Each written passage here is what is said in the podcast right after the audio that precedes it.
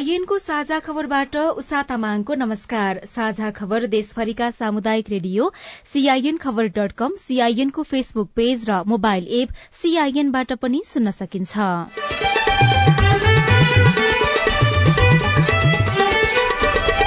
राष्ट्रपति निर्वाचनपछि मात्रै मन्त्री परिषद विस्तार हुने विश्वासको मतका लागि सरकारले हतार नगर्ने चितवन दुईमा उपनिर्वाचनका लागि अठारवटा दल दर्ता भोलिबाट आचार संहिता लागू हुँदै आयोगले राष्ट्रपति र उपराष्ट्रपति निर्वाचन प्रयोजनको लागि भोलि अर्थात् सत्र गतेदेखि पाँच गतेसम्म लागू हुने गरी आचार संहिता लागू गरेको छ होइन?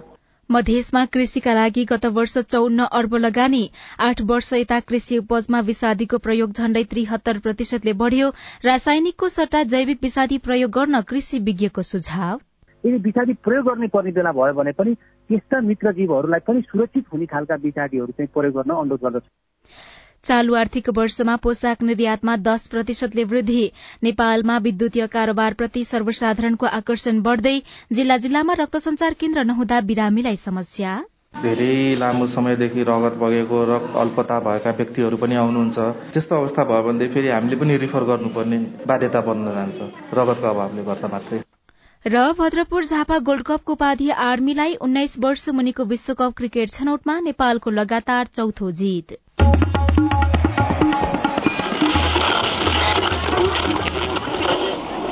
रेडियो। हजारौं रेडियो कर्मी र करोड़ौं नेपालीको माझमा यो हो सामुदायिक सूचना नेटवर्क सीआईएन नेपाल प्रज्ञा प्रतिष्ठानले नेपाली साहित्यको श्रीवृद्धिमा गर्नुपर्ने जस्तो काम गर्न नसकेको भनेर आलोचना खेप्दै आएको छ।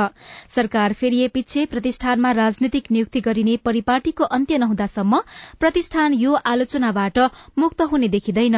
तर प्रज्ञा प्रतिष्ठानको नयाँ कार्य समितिले प्रज्ञाका पदाधिकारीलाई दोहोरो सुविधा नदिने निर्णय गरेसँगै राम्रो काम हुन्छ कि भन्ने आशा जागेको छ। यो आशालाई कायमै राख्नु प्रज्ञा प्रतिष्ठानको नयाँ कार्य समितिका लागि चुनौती हो। अब खबर सुशीला श्रेष्ठबाट। मन्त्री परिषद विस्तार राष्ट्रपति निर्वाचन पछि मात्र हुने भएको छ। एमाले राप्रपा र राष्ट्रिय स्वतन्त्र पार्टी सरकारबाट बाहिरिएपछि सोह्रवटा मन्त्रालय प्रधानमन्त्री पुष्पकमल दाहाल प्रचण्डको जिम्मामा भए पनि सरकार विस्तार राष्ट्रपतिको निर्वाचन पछि मात्र हुने सरकारका प्रवक्ता एवं संचार तथा सूचना प्रविधि मन्त्री रेखा शर्माले बताउनुभयो। मन्त्रालयमा आज आयोजित पत्रकार सम्मेलनमा उहाँले नयाँ राजनैतिक गठबन्धन बनेको र कुन कुन दल सरकारमा जाने भन्ने विषयमा छलफल भइ नसकेकाले अहिले नै मन्त्री परिषद विस्तार नहुने बताउनुभयो। नयाँ ढंगले एउटा परिस्थिति विकास भएको छ। यो नयाँ ढङ्गको परिस्थिति विकासमा यो दुई चार दिन जुन ढङ्गले एउटा राष्ट्रपतिकै चुनावमै हामी केन्द्रित छौँ त्यसकारण यो मन्त्री परिषद विस्तारको कुरा पनि सम्भवतः मलाई लाग्छ हाम्रो यो राष्ट्रपतिको निर्वाचन पछाडि नै यसलाई ढङ्गले केही छलफल पनि गर्नुपर्ने हुन्छ। कोलिसन दलभित्र सरकारबाट निस्किसकेका अवस्थामा कुन कुन पार्टी सरकारमा इन्ट्री गर्ने त्यो कुरोको पनि टुङ्गो लगाइसकेपछि त्यसपछि अब मन्त्री मन्त्री परिषदको विस्तार हुने कुरा हुन्छ विभागीय मन्त्री नहुँदा मन्त्रालयको काम प्रभावित हुने गरेको छ। प्रधानमन्त्रीले विश्वासको मत पनि राष्ट्रपतिको निर्वाचन पछि मात्रै लिने संचार तथा सूचना प्रविधि मन्त्री शर्माले बताउनुभयो। अहिले गठबन्धन दलको ध्यान राष्ट्रपति निर्वाचनमा केन्द्रित रहेको उहाँको भनाइ छ। भोलिदेखि राष्ट्रपति निर्वाचनका लागि आचार संहिता लागू हुँदैछ। फागुन पच्चीस गते हुने निर्वाचनका लागि भोलिदेखि चैत्र पाँच गतेसम्म आचार संहिता लागू हुने निर्वाचन आयोगले जनाएको छ।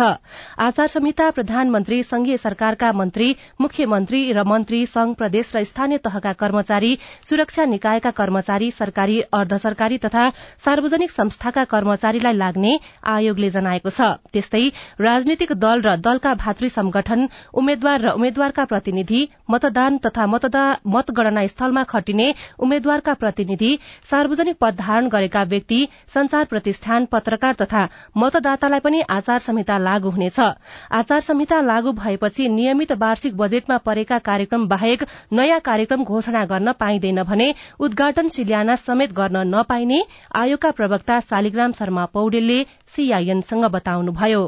सरकारको कुनै पनि अङ्ग अथवा कर्मचारी होइन अथवा संचार माध्यम लगायतले अथवा चाहिँ जो जसले जहाँ जहाँ जहाँबाट गर्ने सम्बन्धित हुन् तिनीहरूले अब नयाँ बजेट नयाँ कार्यक्रम नयाँ नीति नयाँ आयोजना योजनाहरू तर्जुमा नगर्ने कार्यान्वयन नगर्ने त्यस्तै योजनाहरू शिलान्यास नगर्ने उद्घाटन नगर्ने नयाँ पद सिर्जना गर्ने नियुक्ति गर्ने लगायतका कामहरू नगर्ने आर्थिक सुविधा वृद्धि गर्ने लगायतका कामहरू गर्न नहुने त्यस्तै सरुवा पदस्थापनाहरू गर्न नहुने वैदेशिक भ्रमण पनि गर्न नहुने होइन? त्यसै अब सार्वजनिक पद धारण गरेको व्यक्तिहरू प्रचार प्रसारमा लागू नहुने अनि प्रचार प्रसार गर्दाखेरि आचार संहिताले तोके बमोजिम अर्थात् टोपी लोगो स्टिकर होइन भेस्ट लोगो भएका ज्याकेट कमिज आदि नलगाउने लगायतका सबै विषयहरूको पालना सत्र गतेदेखि पाँच गतेसम्म गर्नुपर्छ।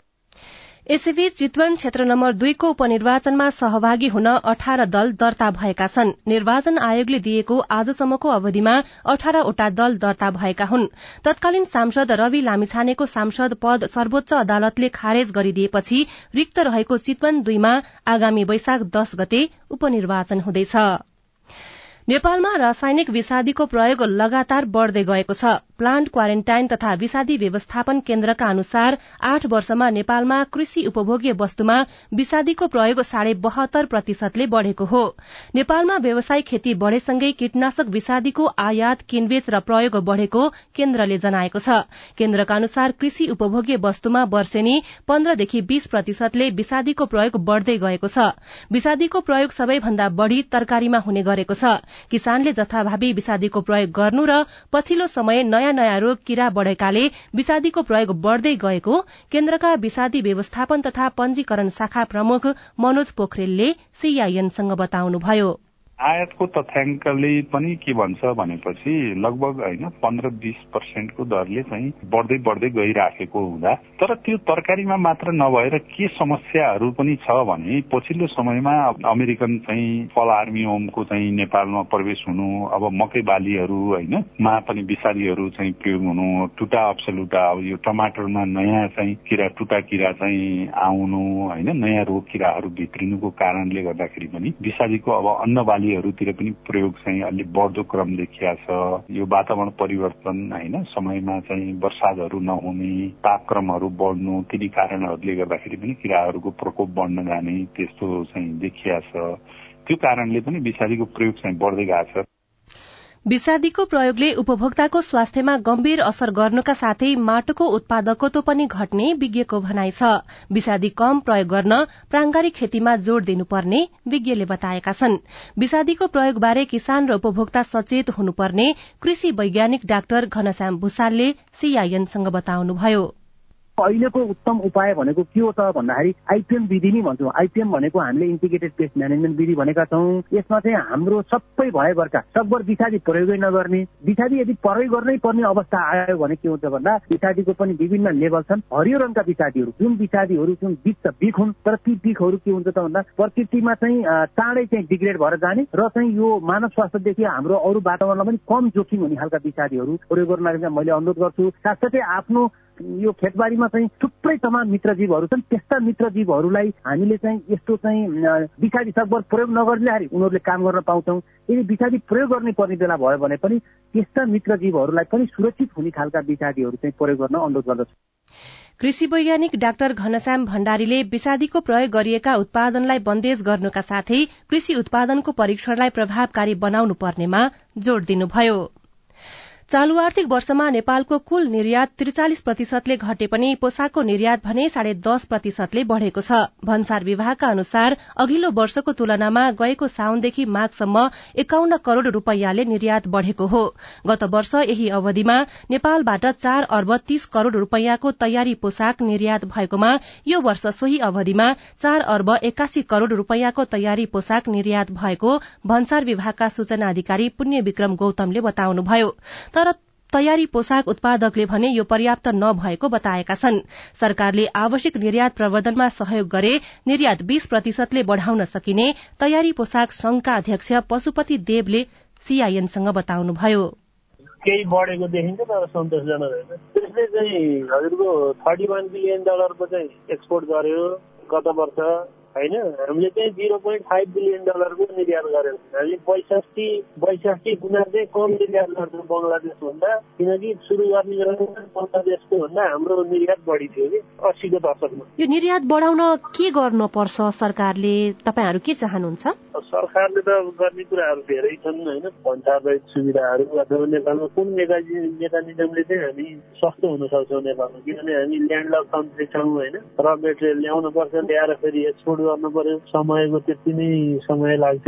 त्यही भएको कारणले गर्दा धेरै कुराहरूमा चाहिँ सुधार गर्नुपर्ने देखिन्छ। साझा खबरमा अब खेल खबर। प्रधानमन्त्री पुष्पकमल दाहाल प्रचण्डले आगामी आर्थिक वर्षको बजेटमा खेलकुद क्षेत्रमा बजेट बढ़ाउने घोषणा गर्नुभएको छ। आज ललितपुरको च्यासल रंगशाला उद्घाटन गर्दै प्रचण्डले खेलकुद क्षेत्रले समाजलाई अनुशासित बनाउने उल्लेख गर्दै मर्यादा र संस्कृति स्थापित गर्नका लागि पनि खेल क्षेत्र महत्वपूर्ण रहेको बताउनुभयो।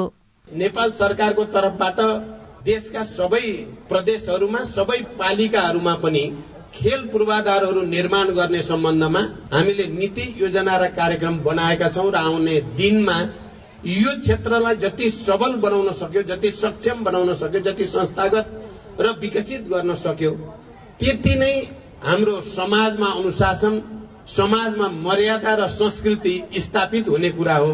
मैले के भन्न चाहन्छु भने आउने बजेटमा यो क्षेत्रमा पहिलेको भन्दा गुणात्मक रूपले बढी बजेट राख्ने प्रतिबद्धता पनि म तपाईँहरूको अगाडि व्यक्त गर्न चाहन्छु। यूएईमा जारी आईसीसी उन्नाइस वर्ष मुनिको पुरूष विश्वकपको एसिया छनौट प्रतियोगिता अन्तर्गत आज भएको खेलमा नेपालले मलेसियालाई दश विकेटले हराएको छ। मलेसियाले दिएको तिरहत्तर रनको लक्ष्य नेपालले आठ ओभर पाँच बलमा बिना कुनै क्षति पूरा गरेको हो। अन्तिम तथा निर्णायक खेलमा नेपालले बिहिबार घरेलु टोलीसँग खेल्नेछ। र त्रिभुवन आर्मी क्लबले भद्रपुर झापा गोल्ड कपको उपाधि जितेको छ। मेची रंगशालामा आज भएको फाइनलमा लाई पेनाल्टी सुट आउटमा हराउँदै आर्मी च्याम्पियन बनेको हो रेडियो मन्त्र झापाले खबर पठाएको छ।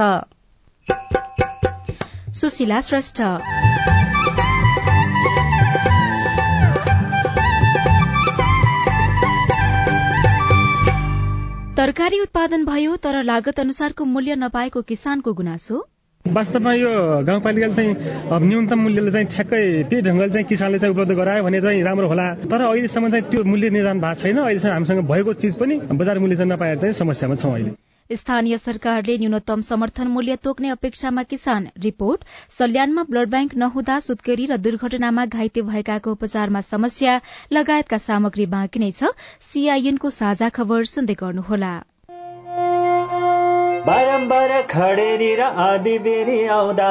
उठी बास भएको बेला कहाँ जाउँला के खाउला सुक्खा ठाउँमा बाँच्न सक्ने बोट बिरुवा रोपौँ। खाली ठाउँमा हरियाली बाढी पहिरो रोकौँ।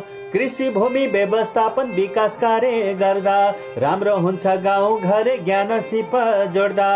घाँसे मैदान चरण क्षेत्र पानी कामुल जोगाउँ। पशुपालन कृषि गरी छोरा छोरी पढाउँ। परिवर्तन हुँदा नि जलवायु बाँच्न मिल्छ जीवनको सत आयो बाँच्न मिल्छ जीवनको सत आयो बाँच्न मिल्छ जीवनको सत आयो। जलवायु परिवर्तनले निम्ताएका चुनौतीको सामना गर्न जमिन जल र प्राकृतिक स्रोत व्यवस्थापनका सर्वोत्तम उपलब्धिहरूको कार्यान्वयन गरौं। पारिस्थितिकीय प्रणालीमा आधारित अनुकूलन आयोजना जलवायु परिवर्तन तथा व्यवस्थापन महाशाखा वन तथा वातावरण मन्त्रालय र सीआईएन। सामाजिक रूपान्तरणका लागि यो हो सामुदायिक सूचना नेटवर्क सीआईएन। तपाई सामुदायिक सूचना नेटवर्क सीआईएनले तयार पारेको साझा खबर सुन्दै हुनुहुन्छ। नेपालमा विद्युतीय कारोबारप्रतिको आकर्षण बढ़दै गएको छ। नेपाल राष्ट्र ब्याङ्क अनुसार कोरोना महामारीका समयमा घर बाहिर निस्कन प्रतिबन्ध लगाएपछि विद्युतीय कारोबारमा सर्वसाधारणको उपस्थिति हवात्तै बढ़ेको हो। सबैभन्दा बढ़ी विद्युतीय कारोबार आरटीजीएस प्रणालीबाट हुँदै आएको छ। मध्य प्रदेशको कृषि क्षेत्रमा गत आर्थिक वर्षसम्म करिब चौन्न अर्ब रूपियाँ कर्जा लगानी भएको छ। नेपाल राष्ट्र ब्याङ्क प्रदेश कार्यालय जनकपुरले हालै सार्वजनिक गरेको प्रदेशको आर्थिक गतिविधि सम्बन्धी अध्ययन अनुसार आर्थिक वर्ष दुई हजार अठहत्तर उनासीसम्ममा ब्याङ्क तथा वित्तीय संस्थाबाट मध्य प्रदेशको कृषि क्षेत्रमा प्रभाव भएको कर्जा त्रिपन्न अर्ब पञ्चानब्बे करोड़ रूपियाँ पुगेको हो। यो रकम मधेसमा लगानी भएको कुल कर्जाको बाह्र दशमलव पाँच पाँच प्रतिशत हो। बागमती प्रदेश सरकारले हात्तीको आक्रमणमा मृत्यु भएका तीनजनाका परिवारलाई एक एक लाख रूपियाँ आर्थिक सहयोग उपलब्ध गराउने निर्णय गरेको छ। मन्त्री परिषदको आज बसेको बैठकले जंगली हात्तीको आक्रमण परि ज्यान गुमाएकाको परिवारलाई एक एक लाख रूपियाँ सहयोग उपलब्ध गराउने निर्णय गरेको मकवानपुरका सामुदायिक रेडियोले खबर पठाएका छनृ। सल्यान कपूरकोटको तरकारी देशका मुख्य शहर मार्फत नागरिकको भान्सामा पुग्ने गरेको छ। तर किसानले तरकारीको मूल्य सोचे जस्तो पाउन सकेका छैनन्। यही समस्या समाधानका लागि कपूरकोट गाउँपालिकाले चालू आर्थिक वर्षमा तरकारीको न्यूनतम समर्थन मूल्य तोकेर कृषि पेसाप्रति किसानलाई आकर्षित गर्ने योजना अघि सारेको छ। कपुरकोट बेमौसमी तरकारी उत्पादनका हिसाबले प्रख्यात ठाउँ हो।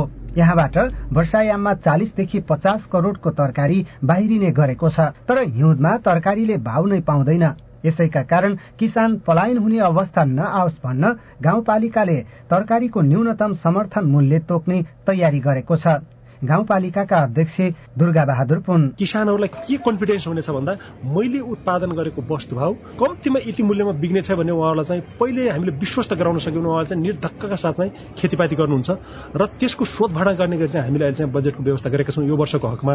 र यसलाई हामीले परीक्षणको रूपमा हेरेको हुनाले पनि आगामी दिनहरूमा अझ कसरी विरत रूपले र प्रस्कृत गरेर जाने भन्ने विषयमा चाहिँ सोध्दैछ। चालु आर्थिक वर्षमा गाउँपालिकाले तरकारीको न्यूनतम समर्थन मूल्य लागू गर्न पाँच लाख बजेट विनियोजन गरेको थियो। गाउँपालिकाको किसान प्रोत्साहित कार्यक्रमलाई संघीय सरकारले पनि समर्थन गरेर थप एक करोड़ बजेट पठाएको छ। प्रमुख प्रशासकीय अधिकृत भरत कुमार ओली। देशभरिका चारवटा पालिका मध्ये यो एउटा मात्रै पालिका हो। फेरि हामीले काट्ने गर्न सकेनौँ अर्को पालि पैसा हुन्न? अर्को वर्ष खास गरी टोटली काट्नुहुन्छ यस वर्ष हामीले टेस्टै हुन्छ जस्तो लाग्छ मलाई पनि। किनभने अर्को वर्ष यो टोटली काट्नु जान्छ। किसानको लागत अनुसार थप केही फाइदा पुग्ने गरी गाउँपालिकाले तरकारीको मूल्य निर्धारण गर्नेछ। यस क्रममा किसानले व्यवसायबाट पाउन नसकेको बाँकी रकम पाउने व्यवस्था गर्न थालिएकोमा स्थानीय खुसी छन्। कपुरकोट पाँच बरलेका कुल बहादुर बुढाथोकी। वास्तवमा यो गाउँपालिकाले चाहिँ न्यूनतम मूल्यले चाहिँ ठ्याक्कै त्यही ढङ्गले चाहिँ किसानले चाहिँ उपलब्ध गरायो भने चाहिँ राम्रो होला। तर अहिलेसम्म चाहिँ त्यो मूल्य निर्धारण भएको छैन। अहिलेसम्म हामीसँग भएको चिज पनि बजार मूल्य चाहिँ नपाएर चाहिँ समस्यामा छौँ अहिले। कपुरकोट गाउँपालिकाभित्र टमाटर काउली बन्दागोपी भेडी खुर्सानी सिमी खुर्सानी कागती करेला लगायतका तरकारी उत्पादन हुने गरेको छ। कपुरकोट गाउँपालिका वडा नम्बर तीनका थम्मन गिरी जस्तै लगानी गरियो अब अहिले त्यत्रो लगानी गरेर छोडेर अर्को अर्को ठाउँ जान पनि सकिन्न। महँगो मोल छ बिउ छ परिश्रम पनि अब धेरै दिनुपर्छ। अब दिनमा सात सय आठ सय नभएर मान्छे पाइन्नन्। काम गराइसकेपछि भाउ नगए पनि उत्पादन नभए पनि उनलाई दिनै पर्छ। बिउ किन्दाखेरि पनि अब दिनै पर्यो मोल किन्दा दिनै पर्यो। मेरो भएन म दिन्न भन्न मिलेन। हरेक कुराहरू अब किसानलाई गाह्रै छ। कपुरकोट गाउँपालिकाका करिब पचासी प्रतिशत नागरिक कृषि पेसाबाटै जीविकोपार्जन गरिरहेका छन्। गाउँपालिकाभर उनासीवटा कृषि समूह र एक सय पच्चिस निजी कृषि फर्मले व्यावसायिक रूपमा तरकारी खेती गर्ने गरेका छन् भने सातवटा सहकारीले कृषिको क्षेत्रमा काम गरिरहेका छन्। जित सागर जीएम सीआईएन रेडियो हाम्रो पहुँच तुलसीपुर दाङ। साझा खबरमा अब हेलो सीआईएन सजना तिमल सिन्हाबाट। नमस्ते म मोहन छेत्री जुम्लादेखि नेपाल स्वास्थ्य व्यवसाय परिषदले दुई हजार उनासी दस महिना चौबिस गतेदेखि अठाइस गतेसम्म पाँचौँ नामदर्ता परीक्षा लिएको र उक्त परीक्षामा उत्तीर्णलाई अहिलेसम्म लाइसेन्स वितरण नगरेको हुनाले लोकसेवाले लिने परीक्षाबाट वञ्चित गराउन लागेकाले उक्त लाइसेन्स वितरण कहिले हुन्छ? तपाईँको समस्या सुनेपछि हामीले नेपाल स्वास्थ्य व्यवसाय परिषदमा सम्पर्क गर्यौं त्यहाँ रजिस्ट्रारको कार्यकाल सकिएकाले समस्या भएको तर लोकसेवाले लिने परीक्षामा सामेल हुनको लागि परिषदले पत्र लेखिदिने भएकाले तपाईँलाई एकपल्ट परिषदमा सम्पर्क गर्न अनुरोध गरिएको छ। नमस्कार म विमल मगर काठमाडौँबाट। त्रिभुवन विश्वविद्यालय अन्तर्गत चार वर्ष बिएड तेस्रो वर्ष दुई हजार उनासीको वैशाख महिनामा लिएको परीक्षाको परीक्षा फल कहिले प्रकाशित हुन्छ? जवाफ दिँदै हुनुहुन्छ त्रिभुवन विश्वविद्यालय अन्तर्गत परीक्षा नियन्त्रण कार्यालय बल्कुका सह परीक्षा नियन्त्रक डाक्टर घनश्याम ठाकुर। अन्तिम अन्तिम अवस्थामा छ त्यसको नतिजा त्योभन्दा अगाडि नियमित प्रथम वर्षको परीक्षाको नतिजा हामीले प्रकाशन गरेको हुनाले थोरै समयसम्म लागेको हो। होइन र अब मलाई लाग्छ यो महिनाको अन्त्य या चैतको प्रथम हप्ताभित्र नतिजा प्रकाशन हुन्छ। नमस्कार म वीरेन्द्र विष्ट अछाम जिल्लाको ढकारी गाउँपालिकाबाट निभावी तहको अध्ययन अनुमति पत्र लिन कहाँ जाने? जिज्ञासा मेटाउँदै हुनुहुन्छ शिक्षक सेवा आयोगका सूचना अधिकारी सुदर्शन मरहट्टा। शिक्षक सेवा आयोगले निम्न माध्यमिक तहको अध्यापन अनुमति पत्रको परीक्षा वितरण गर्ने कार्य चाहिँ विगत दुई महिनादेखि नै सुरु गरिसकेको छ। तपाईँले कैलाली जिल्लाबाट परीक्षा दिएको भन्नुभयो। तपाईँ कैलाली जिल्लाको शिक्षा विकास समन्वय एकाइमा तपाईँ जानुहोस् र तपाईँले जाने क्रममा आफ्नो चाहिँ नागरिकता प्रमाणपत्र तपाईँले प्राप्त गरेका शैक्षिक योग्यताका प्रमाणपत्र र दुईटा फोटो लिएर जानुभयो भनेदेखि तपाईँले अध्यापन अनुमति पत्र समन्वय इकाइबाट प्राप्त गर्न सक्नुहुन्छ। तपाईँ जुनसुकै बेला हाम्रो टेलिफोन नम्बर शून्य एक बान्न साठी छ चार छमा फोन गरेर आफ्नो प्रश्न जिज्ञासा गुनासा अनि समस्या रेकर्ड गर्न सक्नुहुनेछ। तपाई सामुदायिक सूचना नेटवर्क सीआईएनले काठमाण्डुमा तयार पारेको साझा खबर सुनिरहनु भएको छ। पहाड़ी जिल्लामा ब्लड ब्याङ्क नहुँदा दुर्घटनामा घाइते भएकाहरूको उपचारमा समस्या। ब्लड ब्याङ्क आवश्यकता चाहिँ हो जिल्लामा। त्यो चाहिँ हामीले धेरै पहिलादेखि नै कुराकानी गर्दै आएको हो। त्यो नहुँदा चाहिँ बिरामीहरूलाई समस्या परिरहेको छ र ब्लड डोनेसन गर्नेहरूलाई पनि समस्या भइरहेको छ। रिपोर्टसँगै रेडक्रसले प्रत्येक जिल्ला सदरमुकाममा ब्लड ब्याङ्कको व्यवस्था गर्न सक्दैन। निर्देशक संघको कुराकानी बाँकी नै छ।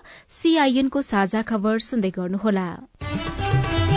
तपाईँले सीआईएनको साझा खबरका मुख्य शीर्षकहरू नेपाल टेलिकमको सिम भएको मोबाइल नम्बरबाट पटक पटक जुनसुकै बेला निशुल्क सुन्न सक्नुहुन्छ।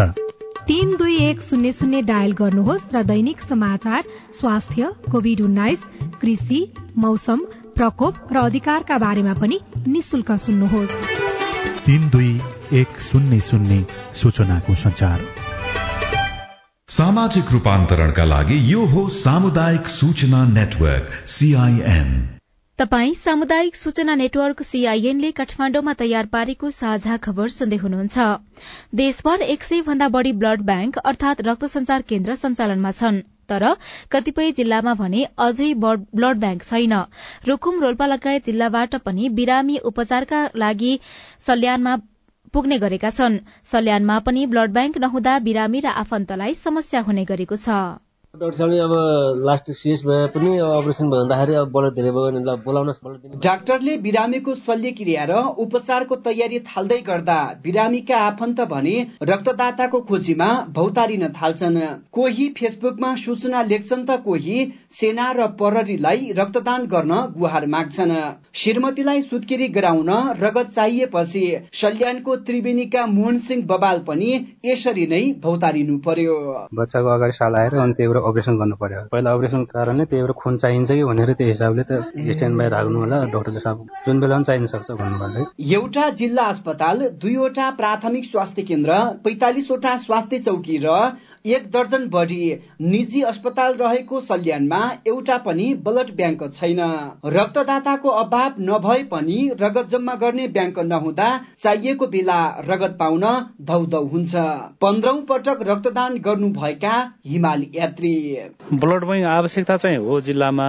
त्यो नहुँदा चाहिँ बिरामीहरूलाई समस्या परिरहेको छ र ब्लड डोनेसन गर्नेहरूलाई पनि समस्या भइरहेको छ। मासिक एक सय पचास भन्दा बढी सुत्केरी गराइने जिल्ला अस्पतालमा औषधमा दस जनालाई शल्यक्रिया मार्फत सुत्केरी गराउनु पर्छ। उनीहरूलाई मात्र होइन दुर्घटनाका घाइतेको उपचारमा पनि रगत चाहिन्छ। अस्पतालका डाक्टर अभिषेक सिंह समयमै रगतको जोहो नहुँदा बिरामीको स्वास्थ्य नै खतरामा पर्ने बताउनुहुन्छ। हाम्रो बिरामीहरू आउनुहुन्छ धेरै लामो समयदेखि रगत बगेको र अल्पता भएका व्यक्तिहरू पनि आउनुहुन्छ। त्यस्तो अवस्था भयो भनेदेखि फेरि हामीले पनि रिफर गर्नुपर्ने बाध्यता बन्न जान्छ। रगतको अभावले गर्दा मात्रै। सल्यानमा ब्लड ब्याङ्क खोल्न प्रयास नगरिएको पनि होइन। ब्लड ब्याङ्कका लागि नेपाल रेडक्रस सोसाइटी मार्फत तीन कोटी भवन तयार पारेको तीन वर्ष भइसकेको छ। तर जनशक्ति र उपकरण नहुँदा सञ्चालन हुन सकेको छैन। स्वास्थ्य सेवा कार्यालय सल्यानका व्यवस्थापक दशरथ श्रेष्ठ। भवन बनिसकेको छ केही मात्रामा चाहिँ हामीले चाहिँ आवश्यक सामग्री पनि छ मेसिनरी औजारहरू पनि प्राप्त भएको छ तर मुख्य समस्या भन्ने कुरो हामीलाई चाहिँ कर्मचारीको छ। र अब स्वास्थ्य सेवा कार्यालयले पनि अब त्यो कर्मचारीको व्यवस्था गर्न नसक्ने अवस्था चाहिँ छ। ब्लड ब्याङ्कलाई अब कम्तीमा नै अब तिनजनाको चाहिँ व्यवस्था गर्नुपर्ने हुन्छ। तिनजनालाई चाहिँ व्यवस्था गर्ने बेला हाम्रो आर्थिकले अलिकति नभ्याउने अवस्था चाहिँ छ। आवश्यक जनशक्ति र उपकरणको प्रबन्ध गरेर ब्लड ब्याङ्क सञ्चालन गरिए बिरामी र उनीहरूका आफन्तले रगतको जोहो गर्ने शास्ति खेप्नु पर्ने थिएन। बुद्धिपुन सिआइएन सामुदायिक रेडियो राप्ती सल्यान। देशभर नेपाल रेडक्रस सोसाइटीका एकहत्तरवटा विभिन्न निकायले बिरामीका लागि रगत उपलब्ध गराइरहेको छ भने पचासवटा अस्पतालमा बिरामीका लागि आवश्यक रगतको व्यवस्थापन गरिरहेको छ जुन नेपालका लागि पर्याप्त भने छैन। रगत नपाएर बिरामीले मृत्युवरण गर्नुपर्ने अवस्थाको अन्त्य गर्न आवश्यक मात्रामा ब्लड ब्याङ्कको विस्तारका लागि नेपाल रेडक्रस सोसाइटीको योजना के छ? हामीले निर्देशक दिव्यराज पौडेलसँग कुराकानी गरेका छौं। कतिपय ठाउँहरूमा हेल्थ फेसिलिटी नपुगेको ठाउँहरूमा त्यसमा लगानी ठुलो चाहिने र निरन्तर सेवा गर्नुपर्ने भएको हुनाले अप्ठ्यारो छ। त्यसले गर्दाखेरि हस्पिटलहरूको क्षमतालाई आकलन गरेर हामीले विस्तार गर्ने योजना छ। उपचारका लागि अस्पतालमा ल्याउँदाखेरि कहिलेकाहीँ रगत नपाएकै कारणले सुविधा सम्पन्न अस्पतालमा ल्याउँदा ल्याउँदै बिरामीको मृत्यु भएका खबरहरू पनि आउँछन्। यस्तो पीड़ादायी अवस्थाबाट माथि निकाल्नका लागि जहाँ जहाँ आधारभूत अस्पतालहरू छन् त्यहाँनिर चाहिँ ब्लड ब्याङ्कको स्थापना गर्न किन सकिएको छैन? यसको मूल कारण नै जहाँ हस्पिटलहरू अथवा चाहिँ उपचारको नियमित सेवाहरू छ नेपाल सरकारले त्यो व्यवस्था मिलाएको छ त्यस्तो ठाउँहरूमा त नजिकमै रक्त सञ्चार सेवाहरू उपलब्ध छ। तर आकस्मिक पर्ने ठाउँहरूमा अलिकता कोर्डिनेसन बढाउनु पर्नेछ त्यस्तो ठाउँहरूमा चाहिँ हामीले जस्तो एकचालिस ठाउँहरूमा हामीले आकस्मिक रक्त सञ्चार सेवा भनेर त्यसको सानो युनिटहरू राखेका छौँ। त्यस्तो पर्यो भने निश्चित रक्त समूहको व्यक्तित्वहरू त्यो अभिलेखमा रहनुहुन्छ र उहाँहरूलाई आवश्यकता अनुसार बोलाउने र डोनेट गर्ने व्यवस्था गरेका हुन्छौँ। एकातिर ब्लड ब्याङ्क सबै स्थानमा पुग्न सकेको छैन भनेदेखि अर्कातिर चाहिँ भएका ब्लड ब्याङ्कहरूमा पनि सहज रूपमा उपचारका लागि रगत नपाउने समस्या पनि छ भन्ने खालका गुनासोहरू पनि आइरहन्छन्। यो गुनासो समाधानका लागि रेड क्रस सोसाइटीले कसरी पहल गरिरहेको छ? तपाईँले ठिकै भन्नुभयो। अब गत वर्षको तथ्याङ्क हेर्ने हो भने दुई लाख त्रिहत्तर हजार एक सय सत्तरी जना व्यक्तिहरूले रक्तदान गर्नु भएको छ र हामीले वितरण गरेको भनेको तीन लाख बाहन्न हजार नौ सय उन्नाइस युनिट हो र त्यसमा चाहिँ नपुग र अरू हस्पिटलहरूमा गरेको हेरेर चार लाख पचास हजार जति हामीलाई चाहिँ नियमित डोनरहरू चाहिन्छ र यो हेर्दाखेरि दैनिक बाह्र सय जनाले देशभरिमा यो यदि ब्लड डोनेसन गर्नुभयो भने बल्ल रगतको माग परिपूर्ति हुन्छ। अब हाम्रो एक पर्सेन्ट जनसङ्ख्याको एक पर्सेन्टले पनि अहिले रक्तदान गर्न सक्नु भएको छैन। हामी जिरो पोइन्ट नाइनमा पुगिराखेका छौँ। अलिकति यो रक्तदाताको संख्या बढाउने र युवाहरूमा रक्तदान प्रति उत्प्रेरणा बढाउने हामी त्यो अभियानमा छौँ। एक घर एक रक्तदाताको अभियानमा। उपचारका लागि आवश्यक पर्ने रगत बिरामीले सहजै पाउन् भन्नका लागि चाहिँ सरकारले के गर्न आवश्यक छ। सरकारले दुईटा कुरा छ। अब यो सुलभताको कुरा हाम्रो पनि प्राथमिकता हो नेपाल सरकारको पनि प्राथमिकता हो।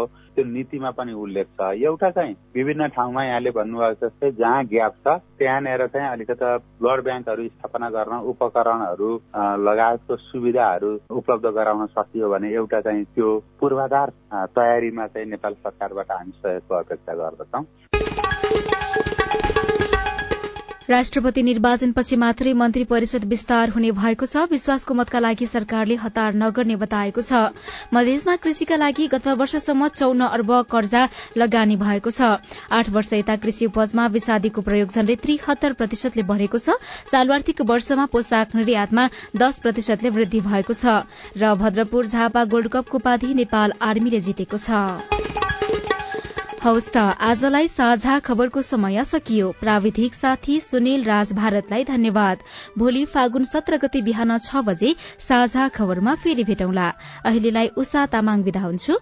नमस्कार शुभरात्री।